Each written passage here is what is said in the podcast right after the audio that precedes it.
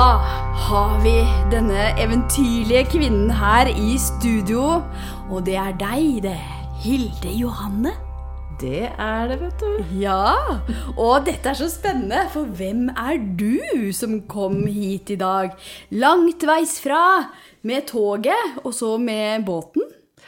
Nei, jeg er jo Hilde Johanne Aafoss. Mm. og jeg har et firma som heter Eventyrlyst. Og siden 2004 så har jeg jobba med å fordype meg i den gamle muntlige fortellertradisjonen. Jeg har jobba med de symbolene i de rike eventyrene. Og så har jeg jobba som foredragsholder og kursholder. Så jeg pleier å si at jeg er trehoda troll. Det ser du sikkert her jeg sitter. Det så jeg når du kom. For jeg er både psykolog og profesjonell muntlig historieforteller. Og så er jeg musiker og kurs- og foredragsholder. Det ble nesten fem hoder, faktisk. det. Oi, oi, oi. Wow. Vet du hva du er i Human Design? Det har jeg jo ikke sjekka før du kom. Har ikke sjekka det. Jeg har mine mistanker. Så jeg var jo så heldig å få oppleve et foredrag med deg. Og da bare satt det helt sånn Wow! Altså, jeg kjeda meg ikke et sekund. Altså, du klarte virkelig å fange ditt publikum. Takk. Ja, det var så virkelig så inspirerende, det foredraget. Og det handla jo om historiefortelling. Og det skal vi snakke om i dag. Eh, og det er jo noe jeg også elsker. Eh, historiefortelling og hvordan du kan bruke det når du har din egen bedrift. For det er jo noe helt annet enn å drive og snakke om fakta og vise fram tekopper. Jeg ser veldig mange vise fram tekopper og sånn på Instagram. Eh, og så forteller de 'hei, jeg har et produkt', og det koster det og det. Eh, og så glemmer de denne her historiefortellinga. Eh, og virkelig god historiefortelling, det handler jo om noe du husker, og noe som virkelig treffer følelsene. Eller hva? Akkurat. Og så er det jo det Fortellingen har jo noe magisk med seg. fordi at eh, hvis du evner å fortelle en historie, så spiller du gjerne på flere strenger når du kommuniserer òg. Du, for, du, du, du formidler ikke bare rasjonelt, men også sanselig og emosjonelt. Yes. Og så er jo det at eh, i den gamle muntlige fortellertradisjonen så ble det faktisk sagt at den beste fortelleren ofte var den beste lytteren. Oi. Fordi du må være en ganske god, eller en veldig god lytter, for å fortelle godt. Og det glemmer folk veldig ofte i vår tid. Det er så sant. Det gjelder å komme til orde. Ja.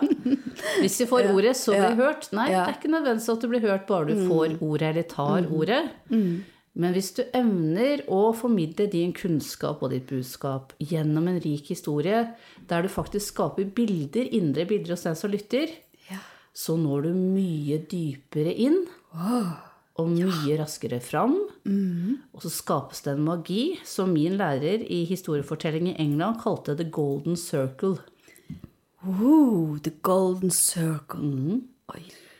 Fordi han sa det at derfor må du òg være en god lytter når du er historieforteller. Fordi du skaper ikke fortellingen alene. Du gir noen bilder, akkurat som mm. jeg hadde det foredraget du var på. Ja. Men så får jeg energi tilbake fra de som lytter. Og det gir farve til min historie igjen, så vi blir samskapere i det øyeblikket. Og det som skjer da, er at du blir på fordi at lytteren blir òg kreativ, akkurat som fortelleren er. Ja. Og det foredraget, da så jeg så for meg at jeg var en dronning. Og jeg var så rørt og så glad, og jeg følte meg så stor. Jeg følte meg liksom så utrolig eh, altså, flott og fantastisk. Så du fikk jo også eh, Nå snakker jeg bare for meg sjøl, men jeg vet at de andre også de, var, de både grein og de lo. ikke sant? Så du klarte virkelig å skape de her gode følelsene. Men vi følte oss så bra når vi gikk fra det foredraget. Og det er jeg så glad for å høre, for det er jo det det handler om for meg.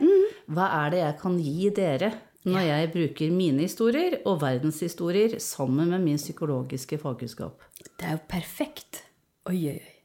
Så har du et eksempel på god historiefortelling? Oi! Vi skal gå rett på sak.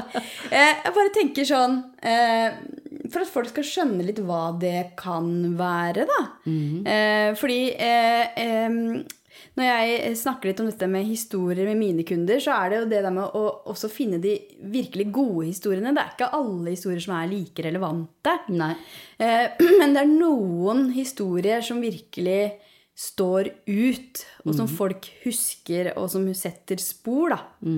Ikke sant? Og det kan jo være både personlige historier, eller det kan være historier om kunder, eller Men det Hva kan òg være vandrehistorier. Og det er en litt sånn undervurdert type historie i vår tid. Dette er gøy! Ja. ja. Og det er jo litt der, der jeg på et annet også kommer fra. Ja? Som ja. jeg pleier å si at eh, ja, ja, psykolog og muntlig historieforteller, det var jo en litt sånn merkelig kombinasjon. Mhm. Så sier jeg at vet du hva, det passer sammen som hånd i hanske. Mhm. For den ene sida av arbeidet mitt handler om å lytte fram enkeltmenneskets historier. ja. Og lytte så godt at det mennesket finner svaret i seg selv. Wow. Ved at det forteller fram historier som styrker, og kanskje også kan gi slipp på de historiene som trekker ned. Det er så sant. Men den andre sida av arbeidet mitt som historieforteller handler om å fortelle menneskehetens historier. Så det jeg fordypa meg i som muntlig historieforteller, er jo òg at jeg har dykka ned i den gamle muntlige fortellertradisjonen. Der vi videreformidla kunnskap og visdom gjennom rike eventyr, men òg gjennom vandrehistorier, fabler, myter, sagn. Ah, dette elsker jeg. Og det jo vi, har vi jo gjort i tusenvis av år. Det er jo den eldste kommunikasjonsformen vi har. Men da ble jeg òg kunnskapen formidla gjennom rike bilder. Og jeg elsker å bruke korte vandrehistorier. Ja. Og eventyr òg, når vi snakker om moderne temaer for bedrifter og for oss enkeltmennesker i vår tid. Fordi de her er jo slipt. De er finslipt, de. Det her er skatter vi bare kan plukke fram og bruke. Som de er tydelige på budskapet sitt allerede. Når jeg jobber som fortellerveileder, så hjelper jo jeg foredragsholdere, ledere og bedrifter til å finne og forme sine historier, som du òg har jobba en del med. Og da er det å lytte fram hva er det fellesmenneskelige i denne historien. Hva er målet ditt, hvor skal du hen? Hvordan kan vi finne bildene som peker mot det målet? Yes. Men vandrehistorier er undervurdert. For det har vi brukt til å eh, spre lærdom, visdom, mot, inspirasjon i tusen, titusener, hundretusener av år. Oi, oi, oi. Har du et eksempel? Jeg vil da høre et eksempel. Jeg vil gjerne høre et eksempel. En ung mann gikk inn i en landsby. Han gikk ut på det største torget. Så så han seg rundt. Og så løfta han ut hjertet sitt og ropte med stolt stemme. Jeg er verdens vakreste hjerte, kom og se! og menneskene stimlet til rundt ham. Det er pent hjerte, ikke sant? Ser dere? Ser dere? Og hjertet var pent. Det var helt glatt. Det hadde ingen ujevnheter, ingen hakk, ingen arr. Og det slo sterkt og hadde en nydelig, frisk rød farve. Alle som så det, var enige at det var virkelig et pent hjerte. Se, se, det er ingen som har så vakkert så hjerte som meg, vet du. Det er fint, ikke sant, sa den unge mannen. Og jo mer folk beundra hjertet, jo stoltere ble han, og mer ranka han seg. Det var bare det at litt i utkanten av denne gruppen med mennesker så sto det en gammel mann. Og etter en stund så gikk han rolig fram blant menneskene og bort til den unge mannen. Og så løfta den gamle mannen fram hjertet sitt. Mitt hjerte er vakrere enn ditt, sa han og viste det.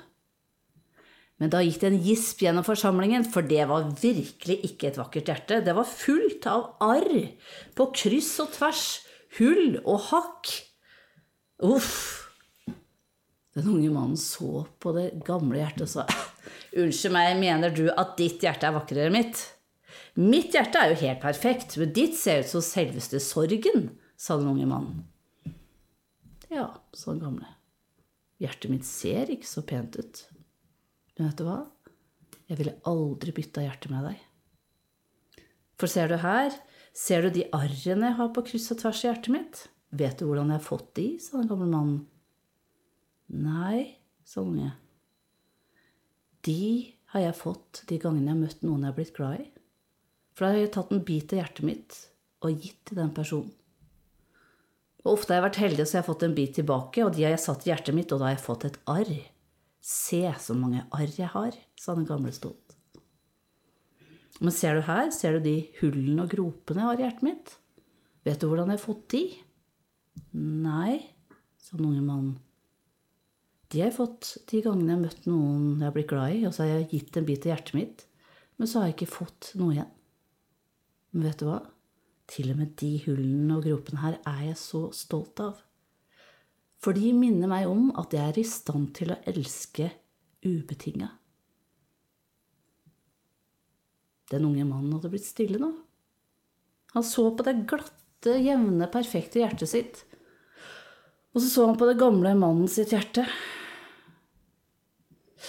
Og så trakk han pusten og gjorde kanskje noe av det modigste han har gjort. Han tok en bit av sitt hjerte og ga til den gamle mannen. Den gamle mannen tok imot biten fra det unge hjertet, smilte og brøt av en bit av sitt og ga til den unge mannen. Den unge tok biten fra det gamle hjertet og satte det inn i sitt hjerte, og det ble et stort arr. Aldri hadde den unge mannen syntes at hjertet sitt var så vakkert. Og de som så det her, de sto helt stille og så på det hele. Og slik ble den gamle unge stående ved siden av hverandre.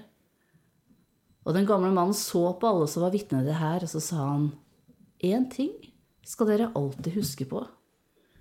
Ulykkelig er bare det mennesket som går rundt i livet med et urørt hjerte.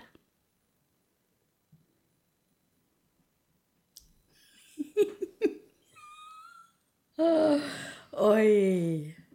Du, det var vakkert. Og det som er så vakkert, er at det der er en vandrehistorie som betyr at ingen vet hvem som har skapt historien. Og den finnes i hundrevis ulike versjoner i hele verden. Akkurat som i historier om sannheten og fortellingen, der sannheten er naken, og mennesket vil ikke noe ha med han å gjøre. Og han møter fortellingen, som har en nydelig kappe. Og fortellingen svøper kappen rundt sannheten og sier, du, gå ut og snakk med mennesker igjen, for mennesker tåler ikke nakne sannhet. Når du er ikledd fantasispråket, så vil mennesker lytte til ditt ord. Oi, oi, oi. Så vist. Ja, og så vise. Tenk, Ja. så vise er vi mennesker, Ja. og det har vi vært i så mange år.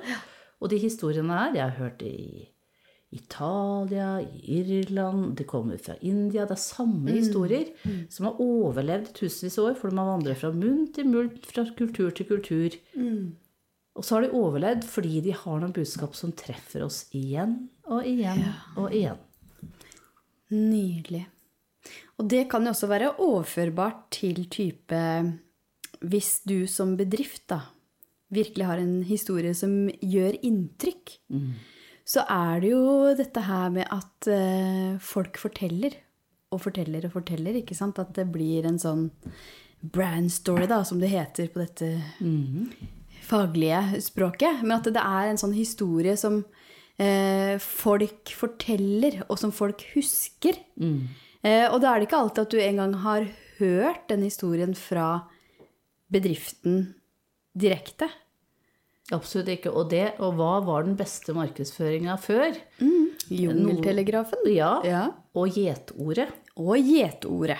Det går et gjetord om at den skomakeren, han er den beste, så han må du virkelig oppsøke. Ja, ja, ja. Og det gjetordet, vi, vi, bru- det er jo i levende en dag i dag. Det er jo det. Og det er jo de historiene som blir fortalt. ikke sant? Så det der at bedrifter er, jobber med å være bevisst hvilke historier blir fortalt om min bedrift.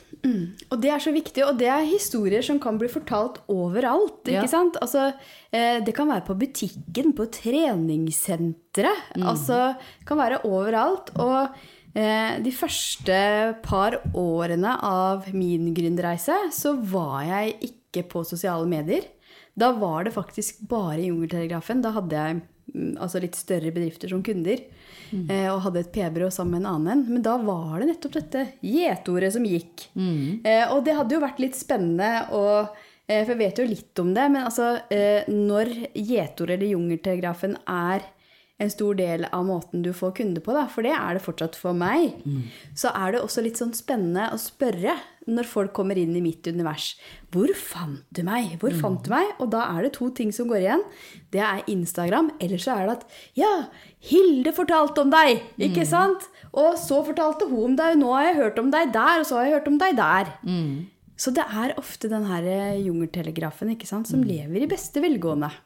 Absolutt. Det lever altså, minst like sterkt som før. Yes. Og vi undervurderer det fort. Ja. Jeg husker jeg testa et firma som fronta seg sjøl veldig med at det med storytelling. Ja. Stort markedsføringsfirma. Så ville jeg ha meg på podkast om storytelling. For jeg kom inn, og så, jeg, møtte jeg ikke lederen først. Ja. En ung mann. Jeg kan også nevne firma. Ja, ja, ja. Det fins podkaster på det. Men så spurte jeg men hva er opprinnelseshistorien for det firmaet her. sa jeg Ja, ja. Til han som hilste på meg. Mm. Så sier han Jo, du, vet du! Og så begynte han å fortelle sjefen sin historie. Om Oi. hvordan han, når han var liten, hadde funnet trøst i å skape videofilmer. Oi. Og hvilket engasjement han hadde hatt fordi han kom fra en tøff bakgrunn. Og han fortalte med så engasjement at jeg ble rørt. Ja. Og det var jo lederens historie, men det hadde blitt hele bedriftens historie. Oi. Og ja. da er det god historiefortelling. For da har plutselig én historie, Mm. og veldig mange bedrifter undervurderer hva er opprinnelseshistorien Ja, her. ja. Mm. Hva er den felles grunnen som alle står på? Og hvis du får det til å bli den grunnen alle faktisk står på, Mm. så står du så mye stødigere, og det blir en helt annen kultur for bedriften òg. Ja. Så å liksom hedre opprinnelseshistorien, hvordan starta det, hva var eh, den dypere motivasjonen bak, Ja. og at alle får være med på historien fra begynnelsen til der vi er i dag, det er veldig sånn teambyggende, altså. Det er veldig interessant. Og, nå vet ikke jeg om du kjenner den opprinnelseshistorien til Subway. Jeg vet ikke om du har hørt den?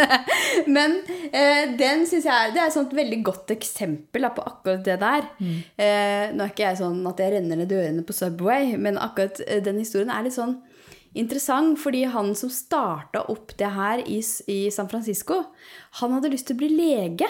Eh, men så starta han nede på kaia der med å selge sandwicher for å spare opp til det å studere, da. Og da var han bare 17 år. Så liksom overskriften inne på den nettsida da når jeg så det, det var 'Den 17-årige gründeren'. Ja. Ikke sant? Eh, og da er det jo det du husker. Ja, det var han, det, ja! Som solgte sandwicher på liksom kaia der på, i San Francisco fordi han hadde en drøm Ja. om å bli lege. Ja. Eh, og da husker du når du da sammenligner Subway og Jafs, da, så er det for meg Da husker jeg den historien om han. Det er to helt vidt forskjellige Yes. kvaliteter for deg. Yes. Fordi Subway gir deg et personlig møte med noen, og det gjør da ikke den andre, ikke sant? Mm. Ja. Og det er som du sier, ja, men hva er en fortelling i forhold til annen informasjon, faktainformasjon, eksempler? Fortellingen, sånn som fra mitt perspektiv, er jo det at du evner å gi et bilde på noe. Ja. Et bilde som andre kan se for seg, leve seg inn i, Yes. til og med kanskje kjenne seg igjen i. Ja. Og hvis du skaper sånne historier med så rike bilder, Mm. så husker folk det på en helt annen måte enn ellers. Mm. Ikke sant? Den 17-åringen. Ja, ja, vi har alle vært 17 år. Ja. Han står på kaia og selger. Ja. Og så husker jeg fordi en har en drøm. Mm. ja, ja, ja. Og så se hvordan det vokste. Ja. Altså hva det ble ikke sant? av de her sandwichene som han begynte å selge. Det er veldig fascinerende. Og at vi får Ja. lov til å være med. Og det er en annen ting med historiefortelling. At det er en raushet og en sjenerøsitet i det. Veldig mange tenker nei, jeg kan jo ikke være personlig. Det er jo uproft. Og jeg pleier å si det er stor forskjell på å være personlig og privat. Mm. Ja, det er det. Absolutt. Og, det, og, og du skal ikke fortelle historier bare for å fortelle historier. Det er jo ikke noe interessant. Du skal fortelle historier som peker dit du ønsker å gå, eller dit du ønsker å få andre med deg. Yes, og der eh, er det noe som er viktig, ikke sant? Og det er jo eh, at disse historiene gjør at folk har lyst til å være en del av ditt Ja. univers. Eh, og mm, eh, det syns jeg er så eh, spennende å tenke på. Ikke sant? Hvilke historier er det som virkelig er en match da? mellom deg som bedrift, og, og mange av de som hører på den podkasten her, de har enmannsbedrift. ikke sant? Ja. Noen har kanskje vokst litt og har to eller tre. Men det er ofte små bedrifter som Eller folk som er i startfasen som har drømmer om å skape en bedrift. Ehm, og da handler det om at eh, ok, disse historiene Det må være en sånn match der, da. Hva tenker du om det? Jo, jeg tenker at det er da eh, Nå kunne jeg fortalt flere historier. Ja, jeg gjør det!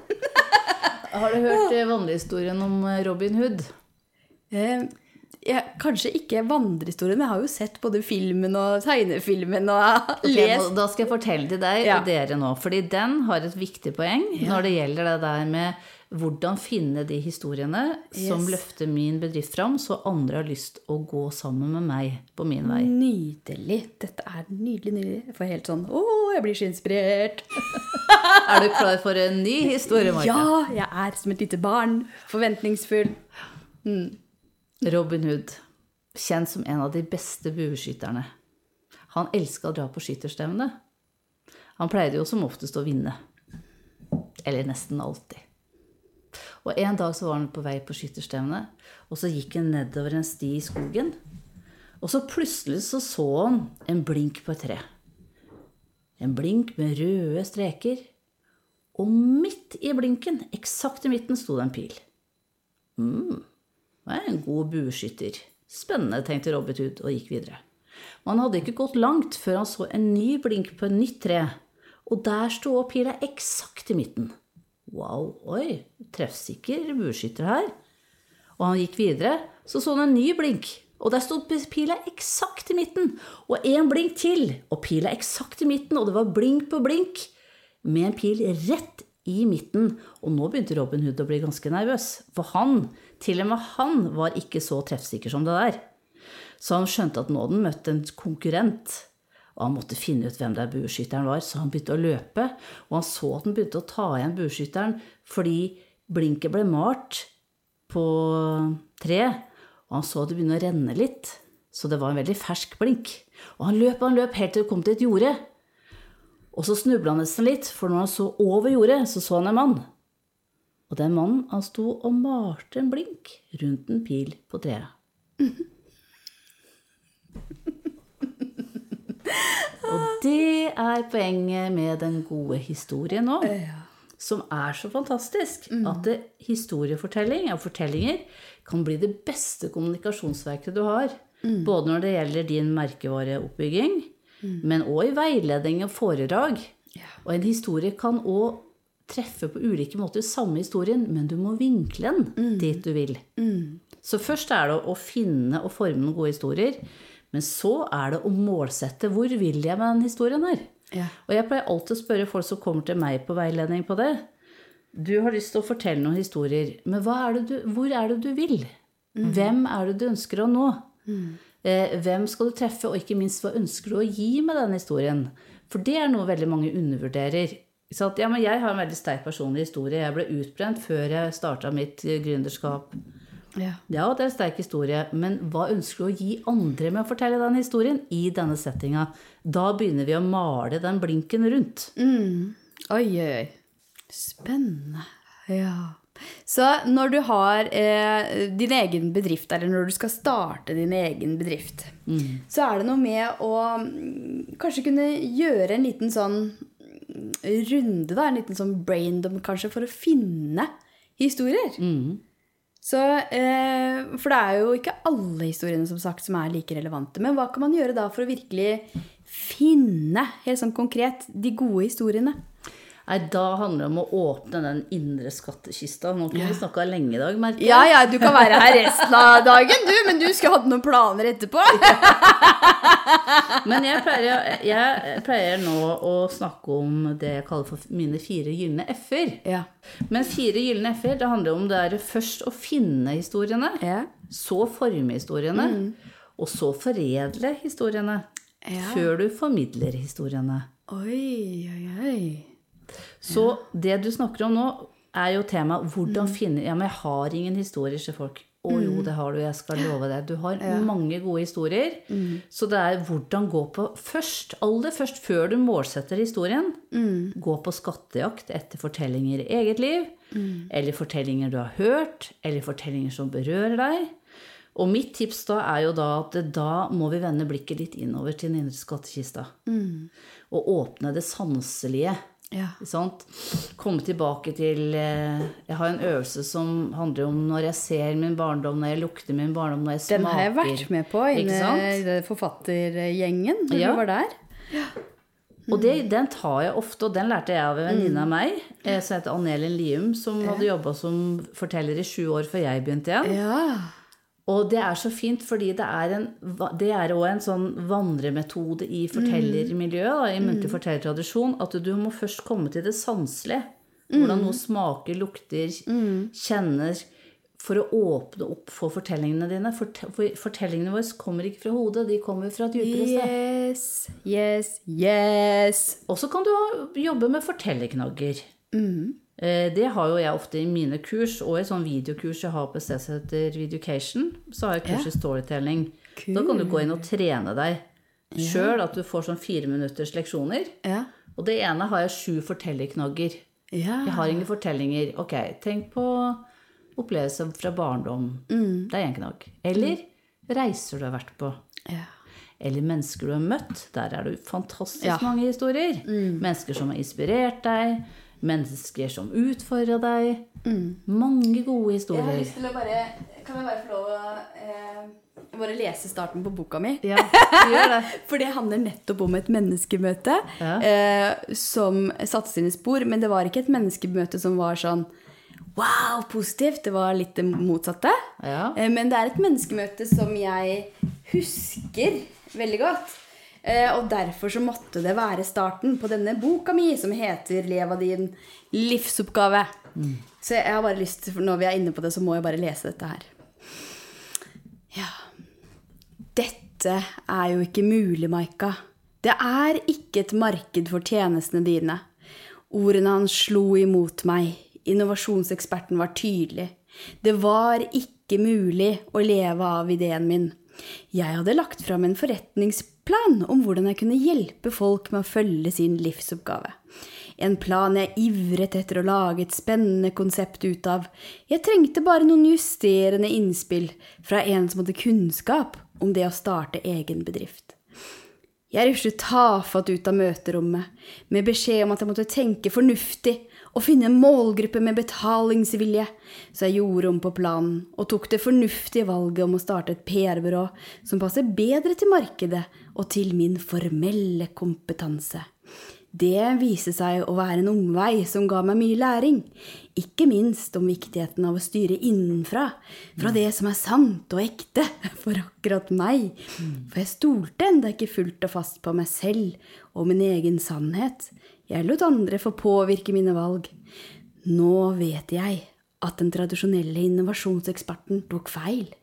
I dag hjelper jeg spirituelle gründere i ulike faser og ulike bransjer bransjer til å leve av sin livsoppgave. Det var et menneskemøte jeg Ja. hadde. Og da er det flere som faktisk har kommentert den historien, som har lest boka. Og jeg husker det. Han innovasjonseksperten som sto der med et digert stoppskilt. Ja.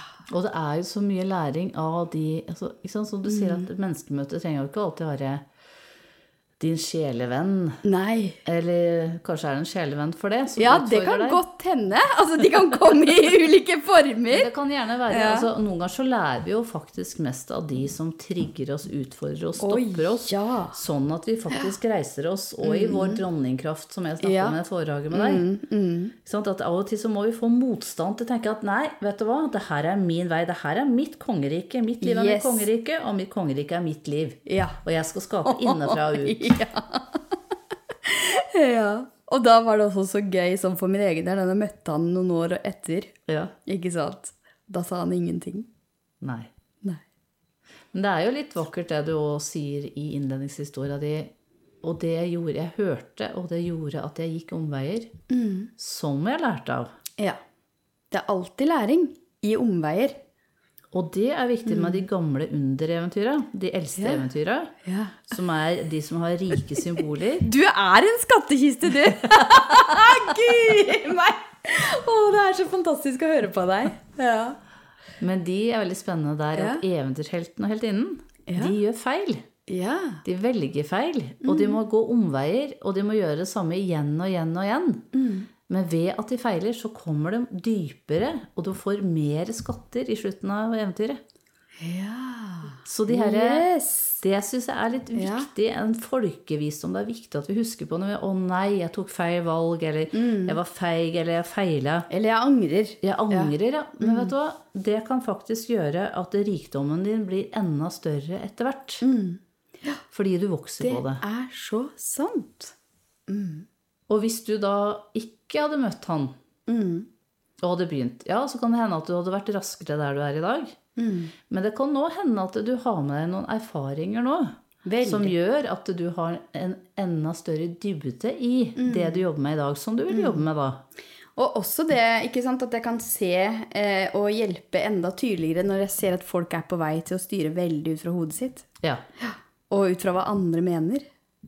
Så ja, han ga meg en gave. Og jeg er jo i dag i mitt liv glad for de feila jeg har gjort, da, når jeg ikke turte å, å begynne før med min egen praksis, eller Ja. min første bedrift, eller Og det husker jeg, denne historien der. Ja, Har du lyst til å fortelle? Hvor skal jeg begynne hen, Marka? Åh, du har jo en sånn historie som jeg husker, ikke sant? Det tok jo litt tid. Altså, du trodde jo ikke at du, du kunne gjøre det. Nei. Ja, det går jo helt tilbake til barndommen, på en måte. Ja. At jeg elska å dikte og fortelle historier og eventyr når jeg var liten. Og det var min verden. Det var min rike ja, barndomskiste, da. Ja. Og jeg var jo aldri utrygg i den fantasirike verden min. Så kreativiteten og fantasien var mine trofaste følgesvenner. Ja. Gjennom barneskole, ungdomsskole og gymnas. og Helt til jeg tok det valget som de fleste av oss har tatt en gang i løpet av livet. Og det er hva skal jeg bli når jeg blir voksen? ja. Stolte du på deg sjøl da, eller hørte du på andre? Nei, da var jeg for ung til å høre på meg sjøl. Det eneste jeg visste, var at jeg var glad i mennesker. Og så var jeg glad i alt som het kreativitet. For sånn har jeg vært siden jeg var liten. Lage musikk, dikte, danse. Alt det kreative, men ikke én ting. Det er jo det vi kaller renessansemennesker, har jeg skjønt etter hvert nå. Ja. Men jeg tenkte hm, skal jeg velge å spille musikk, eller skal jeg jobbe med mennesker? Nei, kanskje jobbe med noen mennesker. Og så var det min mor som sa den gangen Men hva med psykologi, Lianne? Ja. Det hadde ikke jeg tenkt på sjøl. Så sa men hvis du velger psykologi, så kan du jo skape din egen vei. Men jeg var for ung til å tenke på det. Jeg skulle bare begynne å studere nå. jeg. Så jeg begynte på studiet, og så møtte jeg en vegg av et fremmedspråk. ja.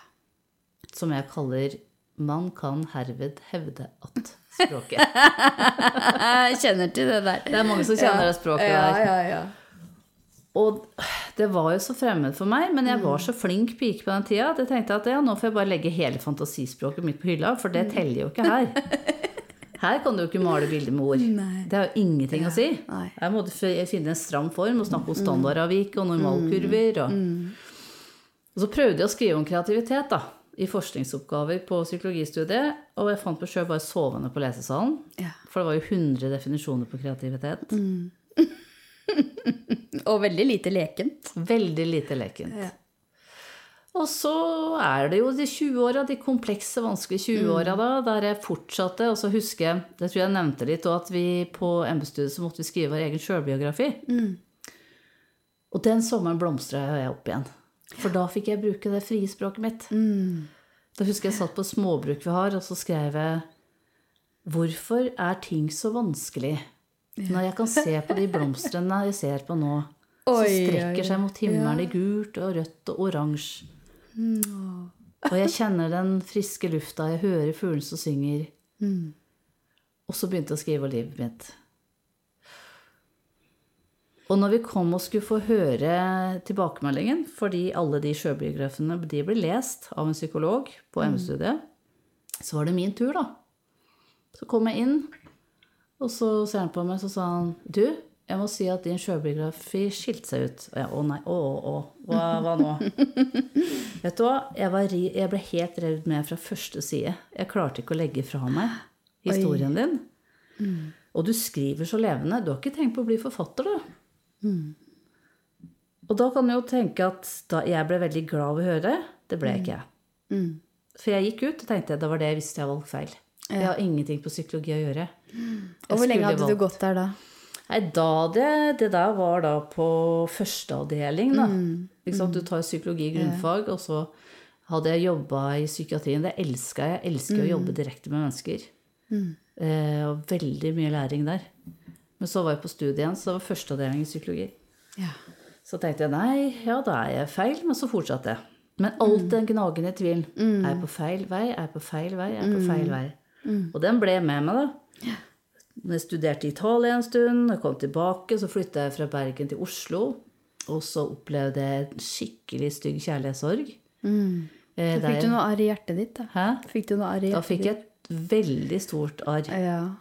Mm. Og det pleier jeg å si en del ganger, at kjærlighetssorg skal vi ikke kimse av, for den var farlig djup, den sorgen. Oi, oi, oi. Det er litt det der, de møtene der du føler at du har møtt din sjelevenn eller tvillingsjel, og så plutselig så er det ikke slik. Eller du, verdiene du trodde dere var sammen, ikke står til liv. Så plutselig var jeg i Oslo, og så hadde jeg kjærlighetssorg, og jeg fant ikke helt mening i studiet. Og jeg følte meg ensom, for jeg flytta til ny by. Og så bodde jeg i et nydelig rødt hus langt inn i Maridalen. I et kollektiv med noen veldig gode venninner. Og så kom jo den siste dråpen at jammen begynte jeg ikke å krangle med hun ene jeg bodde med der òg. Var det oppvaskmaskina? Det var om oppvasken. det er det ofte! Og vi hadde ikke oppvaskmaskin på den tida.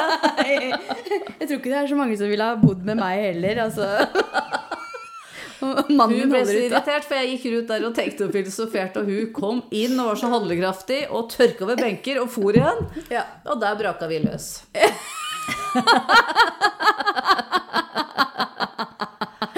Jeg ser det for meg. Og det er jo i seg sjøl en veldig klassisk, u altså, ufarlig krangel. Ja. Men da jeg var i livet nå, så var det liksom siste dråpen. Det var siste Ja, for da satt jeg meg på toget så tenkte jeg, kjørte jeg toget inn til Oslo S og så opp til Blindern, så tenkte jeg må livet være så vanskelig? Er det mulig? Skal det bli vanskelig på alle plan? Og så satt jeg på forelesning igjen og hørte på han som snakket sånn her om nevropsykologi og statistikk, og var veldig knirket og veldig lite levende mens han snakket.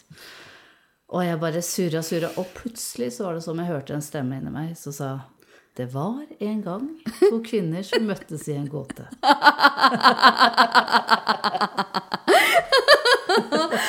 Oi, oi, oi. Og poff, sa det. Ja. Så så jeg hele konflikten som et eventyr. Ja. Oi, oi. Med rike bilder. At det er to kvinner som finner glede for de ser at de har rett lys. De er lysbærere i en verden fanget av mørket, men de er veldig forskjellige. Den ene er lys og lett og drømmende, du kan lure på hvem det var. Og den andre er mørk og handlekraftig og effektiv. Og de møter kong Hverdag. Og kong Hverdag har en tung kappe om skruene sine og masse furer og tung krone. Og så sier han Har dere blitt venner? Dere som er så forskjellige. Men kanskje nettopp fordi dere er så forskjellige, så kan dere gi svar på det spørsmålet alle synger i mitt rike. Ja, hva er det, sier kvinnene. Hvordan kjenne seg virkelig levende? Og jeg skrev og jeg skrev og jeg skrev. Og jeg så ut som verdens flittigste student der jeg satt og skrev.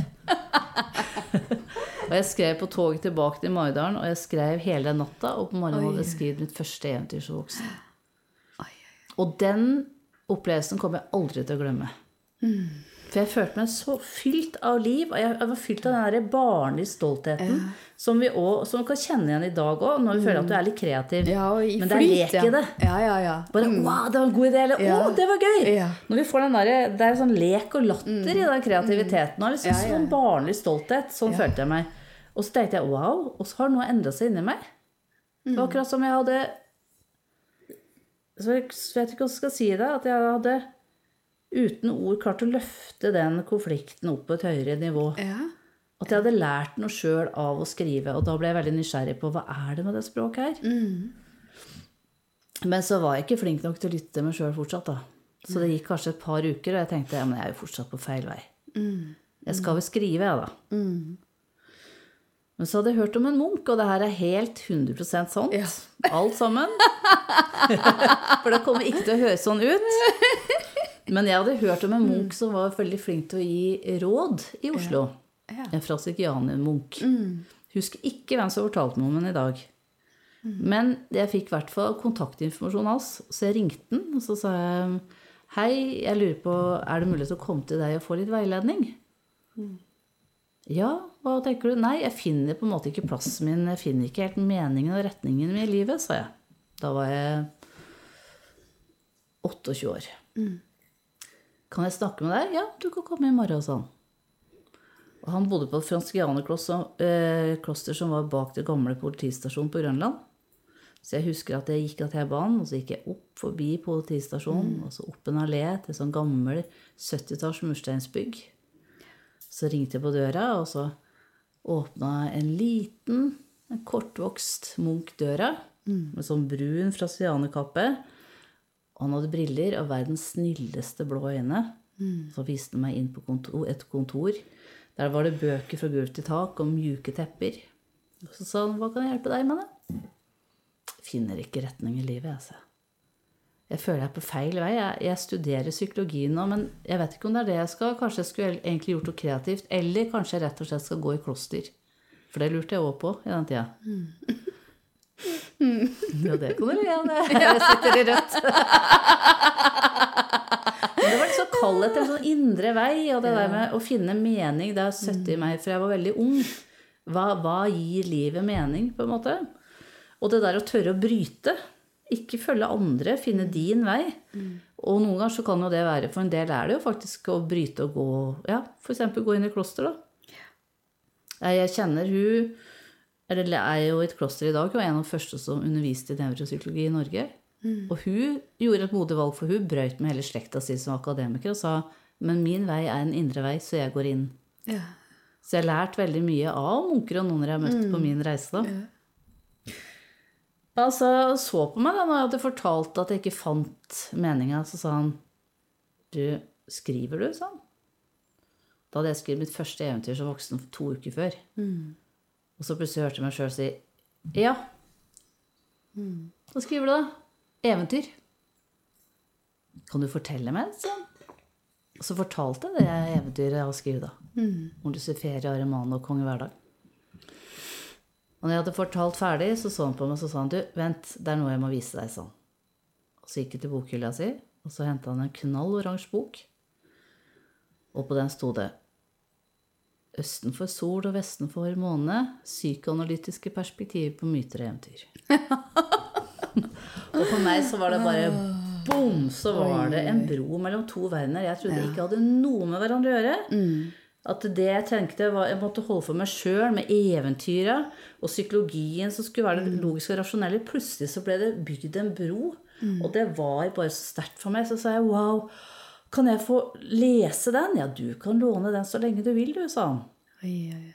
Og jeg tenkte jeg må lese den nå. Men jeg hadde jo skulka skolen for å komme til han. Og jeg var faktisk klar for å slutte på dagen hvis han hadde råda meg til at du er nok på feil vei.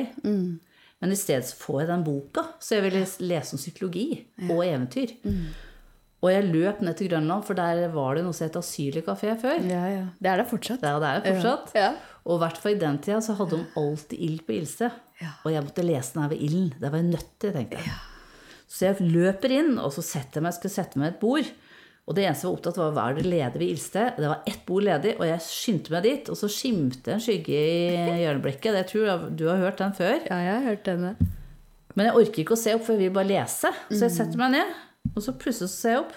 Så sitter jeg gammel, slitt dame i hjørnet med en diger halvliter foran seg og sitter og skuler på meg.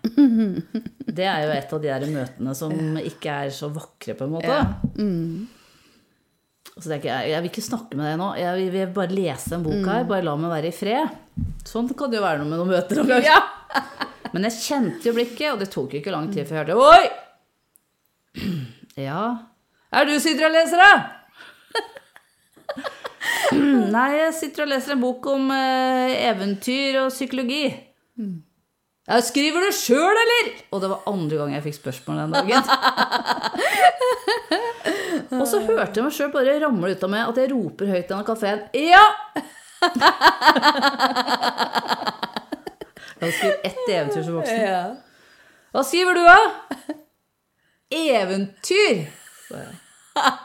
Og det var da jeg fikk eh, beskjeden. Så kom og fortell meg et, da! Så satte jeg meg foran henne, og den historien er jo litt lang, da. Men jeg satt meg foran og tenkte skal jeg ta det ene slageren da? Det eventyret jeg har lagd? Nei. Slo det meg? Jeg skal ikke det. Du vet, det er dagene du, du egentlig er, klar for å gi slipp på alt. Da føler du ikke at du har noe å tape. Det er en sånn egen ureddhet i de dagene der. Sånn var jeg da. Ja. Sånn, nei, det skal jeg ikke. Jeg skal fortelle hva jeg ser i det blikket.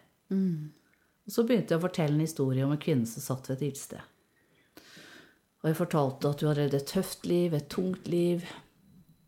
Opplevd veldig mye. Hun var sliten og furet og bitter.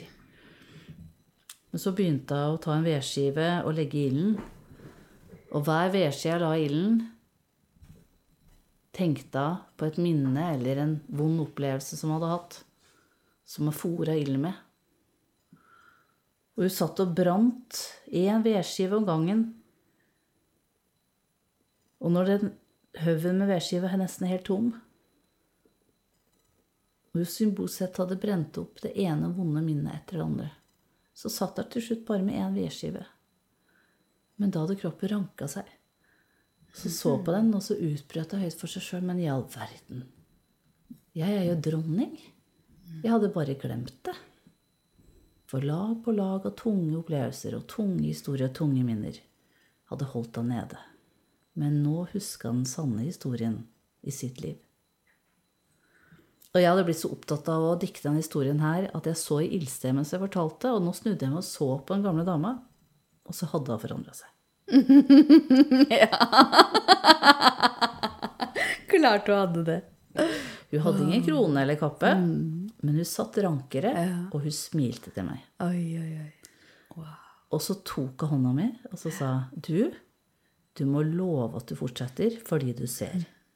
Og plutselig så holdt jeg en gammel alkoholiker i hånda, og da rant tårene mine fordi hun ga meg den beskjeden jeg trengte. Og da fortsatte jeg. Og jeg gjennomførte studiet og skrev min hovedoppgave i psykologi om eventyr. Og hvilken vei det viser alle mennesker, den veien den viser oss som vi må gå for å finne mening i vårt liv og løfte fram vår livsoppgave. Nydelig. Og når du forteller denne her historien, denne dama, så slår det meg en sånn opplevelse som jeg hadde da jeg var på retreat nå. For jeg har vært i Jølster på to ukers retreat, og det handler jo også om en sånn indre reise. Så en av dagene der så had, var jeg i en meditasjon, jeg bare var i stillhet, og i den meditasjonen så kommer det en sånn gammel, krokrygga mann til meg, og så har han med seg en sånn stor gave. Eh, og så bare er det noe i meg som sier sånn Nei, men jeg vil ikke ha gave av deg. Ikke sant? Det var noe i meg som sa det. Nei, men jeg trenger ikke noe gave av deg. Eh, og så bare, eh, så bare sa han eh, bare sånn Du skal ikke skue hunden på hårene. Og så åpna jeg den gaven, og så da blei han mannen blei til mange hender. Og så åpne opp gaven, og så kom det en sånn stor oransje diamant opp av den gaven. Eh, og det var også en sånn indre sånn opplevelse da, av noe som er veldig viktig. Eh, og som jeg har da jobba eh, enda mer med etter det. For det handler jo om ubetinga kjærlighet. Det handler om å aldri dømme noen ut fra førsteinntrykk. Eh, og vi har så lett for det, da. Ikke sant? At her kommer han, den der gamle mannen i meditasjonen, og liksom har med seg noe til meg. Og så var det bare sånn et eller annet til meg som sikkert er noe sånn gammelt eller ego som slo inn. Eh, og så den derre læringen der, da. Så etter det så har det vært sånn Ok, alle har noe i seg, ikke sant? Som kan være en stor overraskelse. Sånn som det du opplevde der. ikke sant? At tilsynelatende så er det en alkoholiker som sitter der med en halvliter. Men kanskje det er en veiviser. Det er ganske Og det magisk. er magisk, og det er veldig sterkt hvis du ser tilbake på eventyra. Du tenker tilbake på hvem er helten og heltinnen. Det er ofte de som blir undervurdert. Enten så er det veldig vanlig å ha sånne vanlige navn som Hans og Grete. De har Ja. ikke usedvanlige navn. Eller så er det undervurdert, som Askeladden og Askepott. ikke sant? Eller Askeline som kom i stad. Askeline. Veldig stolt av å være slekt med Askeladden. Men aske består, betyr òg symbolsk intethet. Ja. Men samtidig det opprinnelige. Det er så spennende med symbolspråk, for det er lag på lag av mening. Og jeg har tenkt ofte, er det det som gjør at Askeladden er den som alltid vinner? Fordi han sitter jo og graver i aska. Åh, sitter jo bare og graver. Han gjør tilsynelatende ingenting. Men kanskje han gjør noe av det viktigste av alt. Han vender blikket innover. Sånn, til det opprinnelige. Så når han går ut i verden, så er han klar for å gå verden i møte.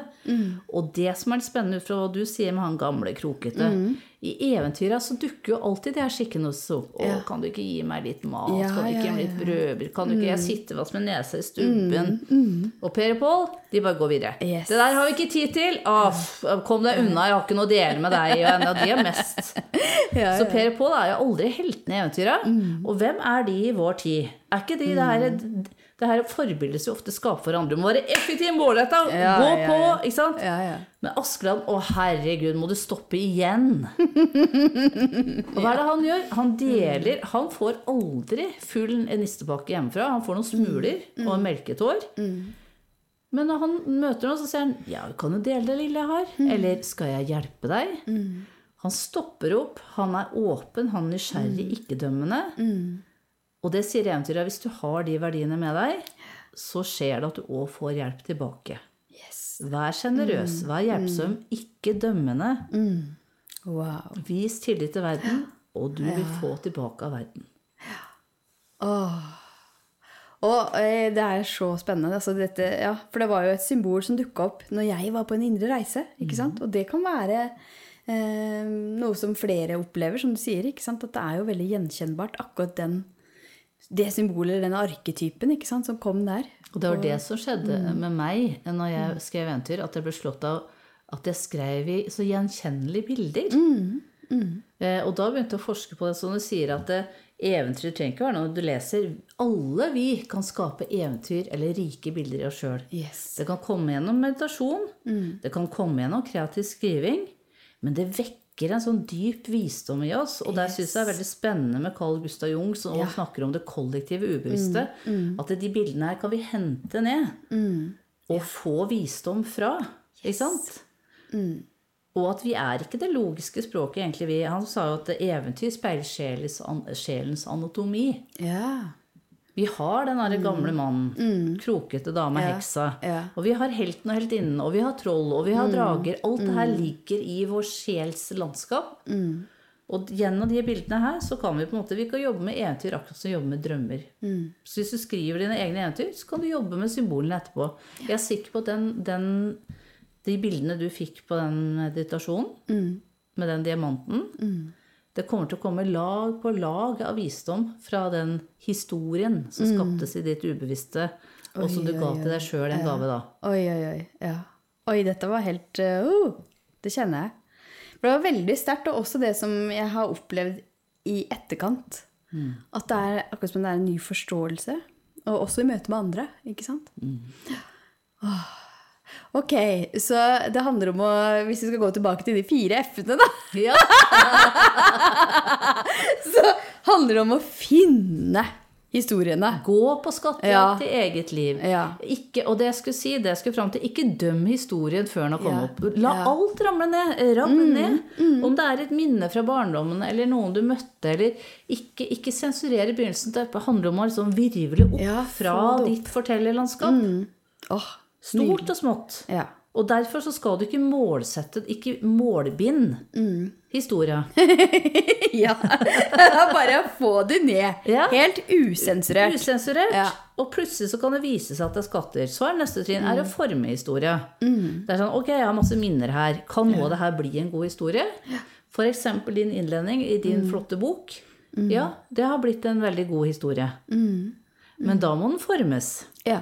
Og jeg er sikker på at du har brukt en del tid på å forme historia i innledninga di. ikke sant? Selv om det egentlig Det er jo bare en halv A4-side. Ja, men men den måtte jo formes. Ja. Ja. ikke sant? Men den måtte jo formes, for den var ikke helt sånn eh, i starten. Den Nei. har blitt forma. Og det, og det Mm. må vi ikke undervurdere. Så ikke liksom tenk at ja, jeg kan ikke fortelle historier, for jeg forteller noe, så kommer det ikke fram. Nei, ta deg tid. Mm. Ja. Alle gode kunstnere, det her er muntlig fortellerkunst.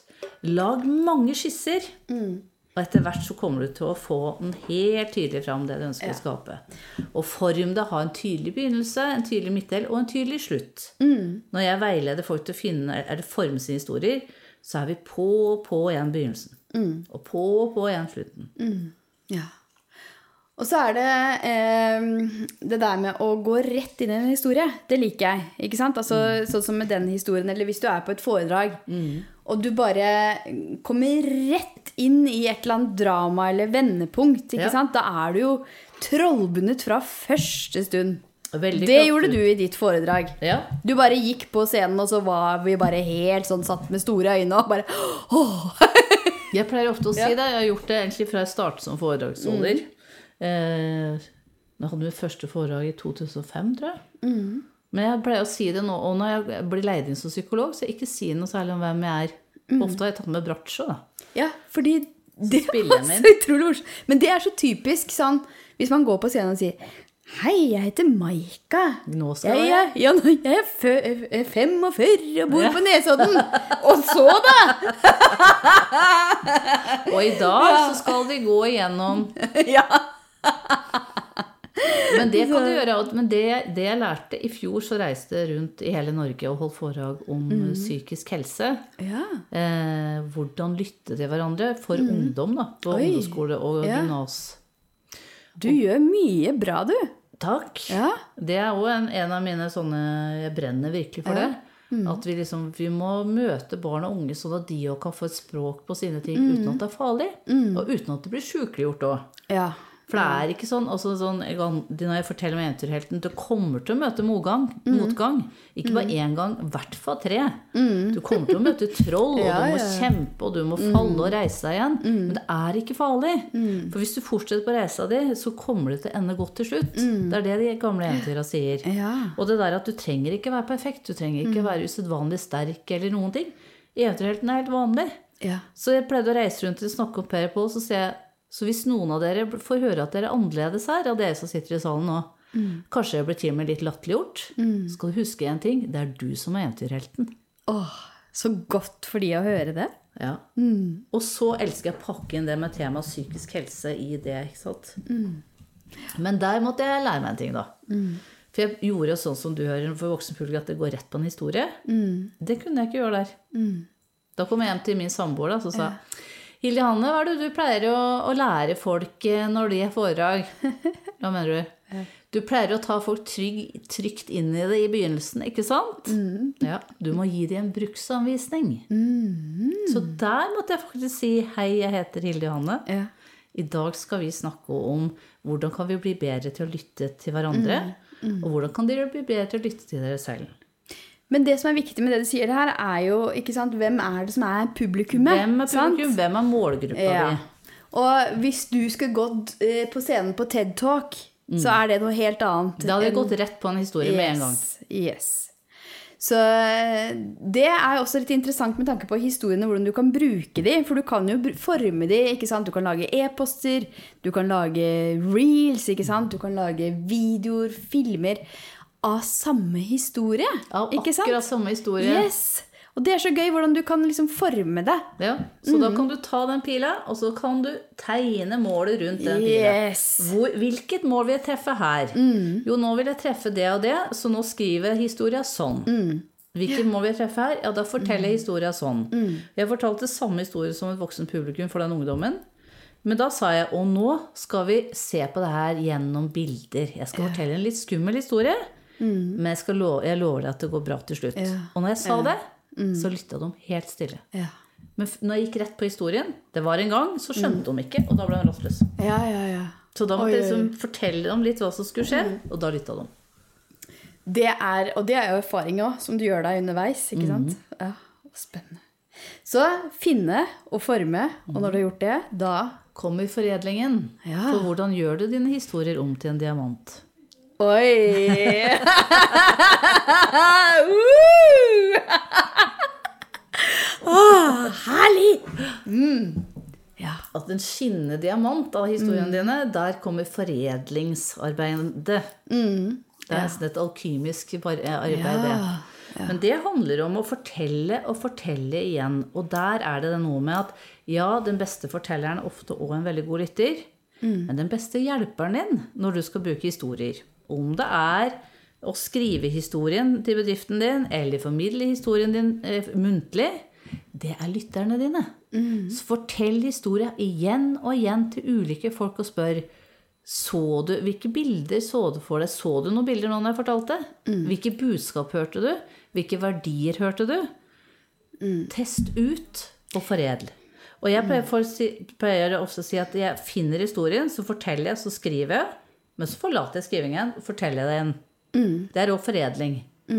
Du skal ta deg tid til å forme så du har en god form med begynnelse og midte og slutt.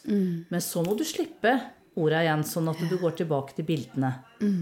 Så det er veldig mye, mye nydelig foredling. Og der skal han ikke være så fortvila. Ah, 'Jeg syns han ikke traff', jeg. Gjør ingenting. Fortell den igjen. Og igjen og igjen og igjen og igjen. og igjen. Dette syns jeg er interessant. Jeg har et eksempel. Vil du høre? Ja, gjerne. Det vil jeg gjerne. Fordi eh, jeg har fått eh, flere mailer og meldinger fra folk som inneholder et symbol. Som de husker fra en av de historiene jeg har fortalt. Eh, og det er en historie jeg har fortalt mange ganger. Eh, og den har jeg fortalt på ulike måter. Men jeg kan fortelle den her nå. Eh, ok?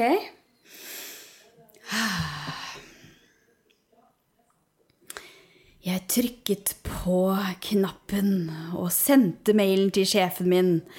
Oppsigelsen min! Jeg var fri! Og ut jeg fløy. Ut på Jernbanetorget. Jeg var fri, fri som fuglen. Jeg bare flaksa bortover gata. Det regna. Det åpna seg opp mer skyllende, vakkert regn. Og der framme på jernbanetoget Jernbanetorget over Tigeren så så jeg en magisk regnbue. Et tegn på at jeg var på riktig vei. Og den regnbuen, den er det sånn at det er så mange som har sendt til meg. Oi, Maika, nå regner det! Jeg ser en regnbue! Se her, da! Jeg er på riktig vei! Er ikke det litt? Nå ble, jeg, nå ble jeg litt sånn rørt når du så deg med regnbuen. mm, blei du? Ja. Oi. Og så Og fordi historia di er så fin på det å være på rett vei. Men når jeg skjønte at det var en egen tradisjon med muntlig historiefortelling, så fikk jeg høre at det var- fantes noe som het Healing Stories, og det, det var symposium i Sverige, og dit kom det fortellere fra hele verden. New York, England, overalt. Og så var det kurs og foredrag. Og det var så sterkt å være der og høre på historier fra tidlig morgen til sent på kveld. Og det jobba så inni meg. Ja. Men når symposiet var ferdig, så var vi en liten gruppe som var igjen, og folk begynte å reise igjen. da. Og så var det noen som sa 'Se!' Og så så vi på himmelen, så var det to doble regnbuer. Oi. Og alle sto bare stille og tenkte. Og da tenkte jeg det her er rett vei. Oi, oi, oi.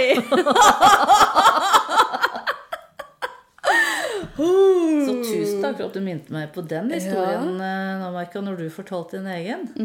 Og det er det som jeg elsker med historiefortelling, at når noen byr på en historie, så plutselig så kommer det flere. Altså Vi hjelper hverandre fram med våre historier. det. Det er akkurat det.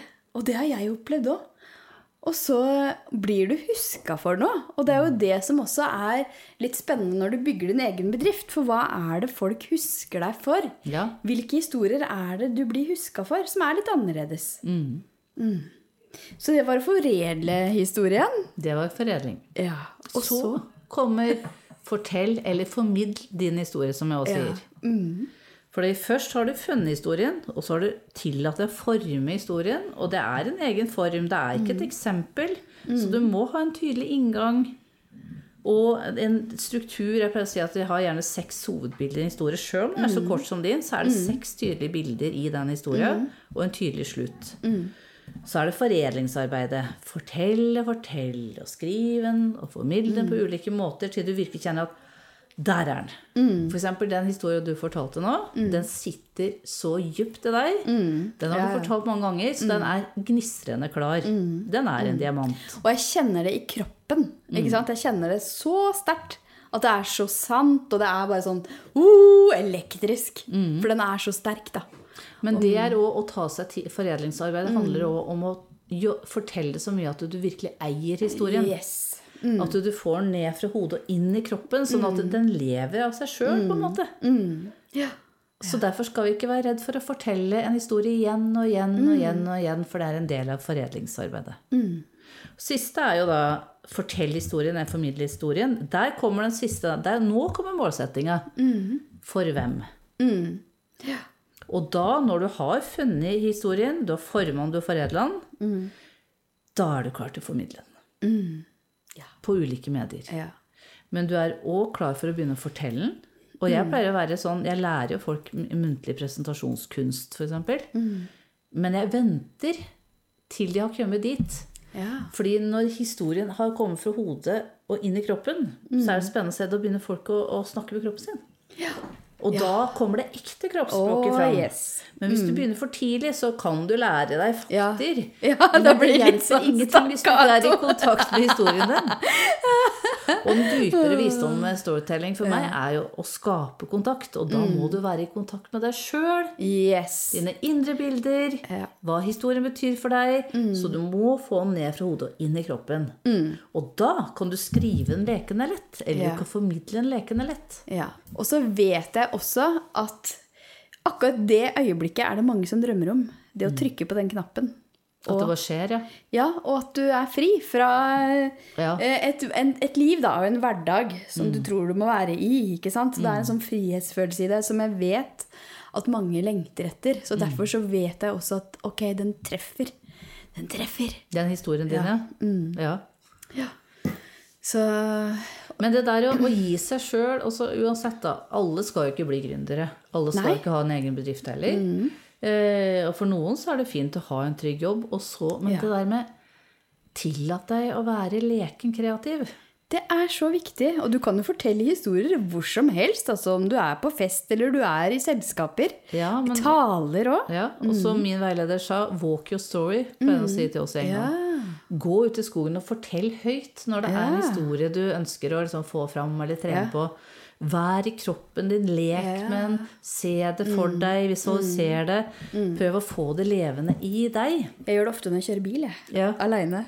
Elsker å kjøre Jeg pleier å gå. Ja, ikke og sant? gå langs vei og rundt omkring Ja. og, og snakke høyt, fortelle høyt med armer og fakter og alt. Så da, nå er jeg veldig glad for at vi har begynt med sånne um, Nå har vi jo sånne podder i øra. Så i vår tid så tror folk at jeg bare snakker i telefon.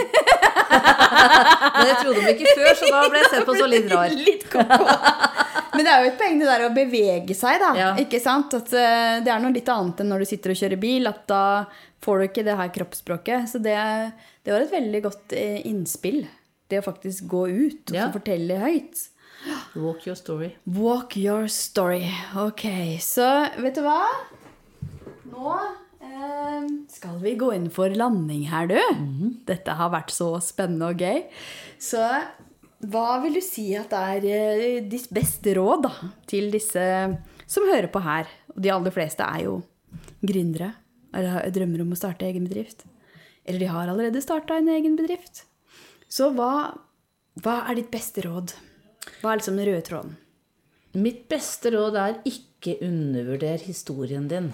Ikke undervurder historiene du har.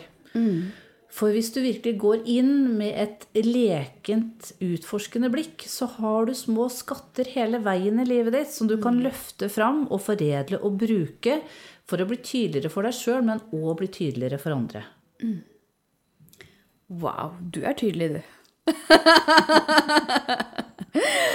og på slutten så har jeg lyst til å bare spørre, hva er din livsoppgave? Min livsoppgave, eh, den så jeg i en indre reise en gang. Ja. Eh, Da var jeg på et sånn seilutviklingskurs. selvutviklingskurs. Men så ble vi faktisk sendt ut i skogen, da, i naturen, fysisk. Ja. For å tillate å se hva er det som tiltaler meg, hva kan jeg gi bilde om min livsoppgave. Og så så jeg et utbrent bål. Oi. Det lå der uten. Oi. Oi, oi, oi. Da skjønner du hva jeg ville? Ja, da skjønner jeg. Oi, oi, oi. Jeg er her for å tenne den levende ilden igjen. Ja. i mennesker og få fram gnisten. Og så så jeg det at Jeg så på det der utbrente bålet, og så så jeg plutselig mennesker som satt i en ring rundt bålet. Men så så jeg gnister som for til himmelen. Så tenkte jeg Min misjon er å skape rom for ekte menneskelige møter der vi deler de sanne, oppriktige historiene med hverandre. Og når vi begynner å dele de historiene som virkelig kommer fra hjertet, så blir historiene så gylne gnister som far til himmels. Og faktisk løfter verden til et bedre sted. Oh my god! Dette må jeg skrive ned. Gylne gnister, gnister som farer til himmels. Var det det du sa? Oi, oi, oi. Det var vakkert, det. Jeg lurer på om denne podkastepisoden skal hete det, faktisk. Gylne gnister. Åh. Og hvor kan folk finne deg hvis de får lyst til å lære mer av deg? De kan finne meg på hjemmesida mi Eventyrlyst. Eventyrlyst. De er hjertelig velkommen til å søke opp Hilde Johanne Aafoss og finne meg på Facebook Ja. og Instagram. Trene meg på Instagram. Har vært litt dårlig der, jeg. ja. Jeg er på LinkedIn har jeg begynt å trene meg på. Jeg vil helst sitte i skogen med det leirbålet. Ja. Og så får folk finne deg. Gå ut i skogen og finne meg. Nei da, og jeg finnes også på talerlisten som foredragsholder og kursholder. Så hvor enn du finner meg, så er du hjertelig velkommen til å ta kontakt. Nydelig. Vet du hva, det her var bare så inspirerende. Åh, tusen takk for at du kom hit. Det har vært en stor glede å ha deg her. Og tusen takk for at jeg fikk komme, Maika. Det Med stor glede å få komme hit som Askeline i dag. Ja. ok.